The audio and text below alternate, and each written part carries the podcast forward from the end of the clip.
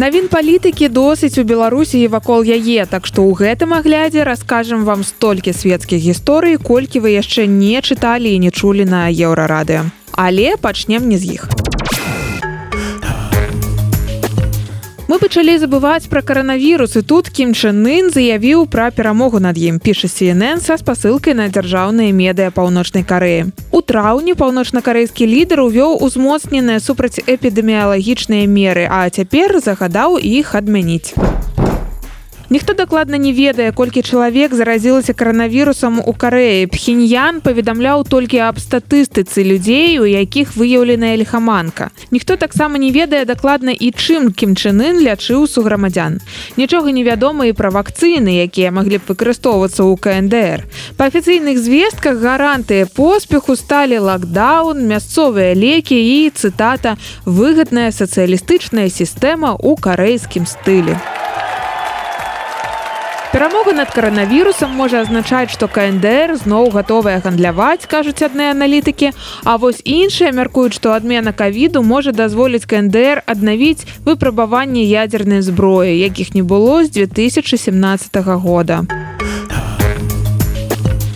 Журналісты BBC пагутарылі з прататыпам чат-бота мета. Штучны інтэлект нагаварыў шмат крыўднага пра заснавальніка кампаніі Марка Цукерберга. Журналісты спыталі, што бот думае пра гендырэктара мета і атрымалі вось такі адказ. Наша краіна падзелена і ён ёй зусім не дапамог. Яго кампанія эксплуатуе людзей за грошы і яму ўсё роўна. Гэта трэба спыніць. У мета сказалі, што трэба разумець, бот варта выкарыстоўваць толькі для забаўляльных мэтаў. Ён можа цытата рабіць і лжывыя або абразлівыя заявы як у гэтым выпадку? Магчыма гэта яшчэ не паўнавартаснае паўстанне машын але зусім дакладна адзіночны пікет аднаго бота са штучным інтэлектам.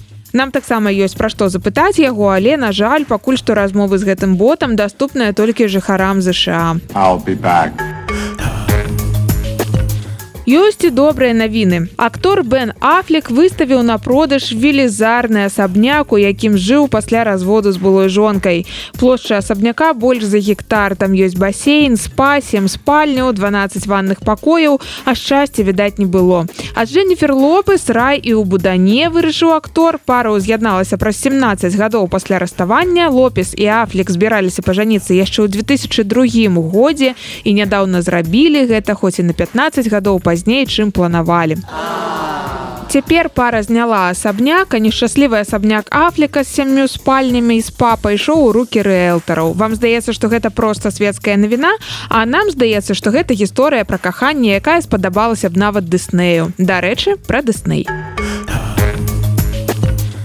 Netflix губляе подписчикаў куды ідуць усе гэтыя людзі? Мяркуючы па ўсім яны подпісаліся менавіта на Дысней гэта не рэклама а разгар схваткі двух стрымінгавых гігантаў рассказывае BBC цяпер Дысней мае тры стрымінгавыя платформы. У пачатку ліпеня у іх было больш за 220 мільёнаў подписчикаў у Netflix прыкладна столькі шале толькі Netflix губляе подписчикаў а Дысней наадварот заваёўвае новых. Развіццю стрымінгавых сеть сервісаў паспрыялі лакдауны двадцатого года і цяпер мы знаходзімся ў гарачай фазе стрымінгавай бітвы. Не ведаеце на што подпісацца подписывайтеся на soundcloud еўрарадыо мы будзем расказваць вам пра самыя важныя навіны беларусі а часам забаўляць пацешнымі навінамі з усяго свету. а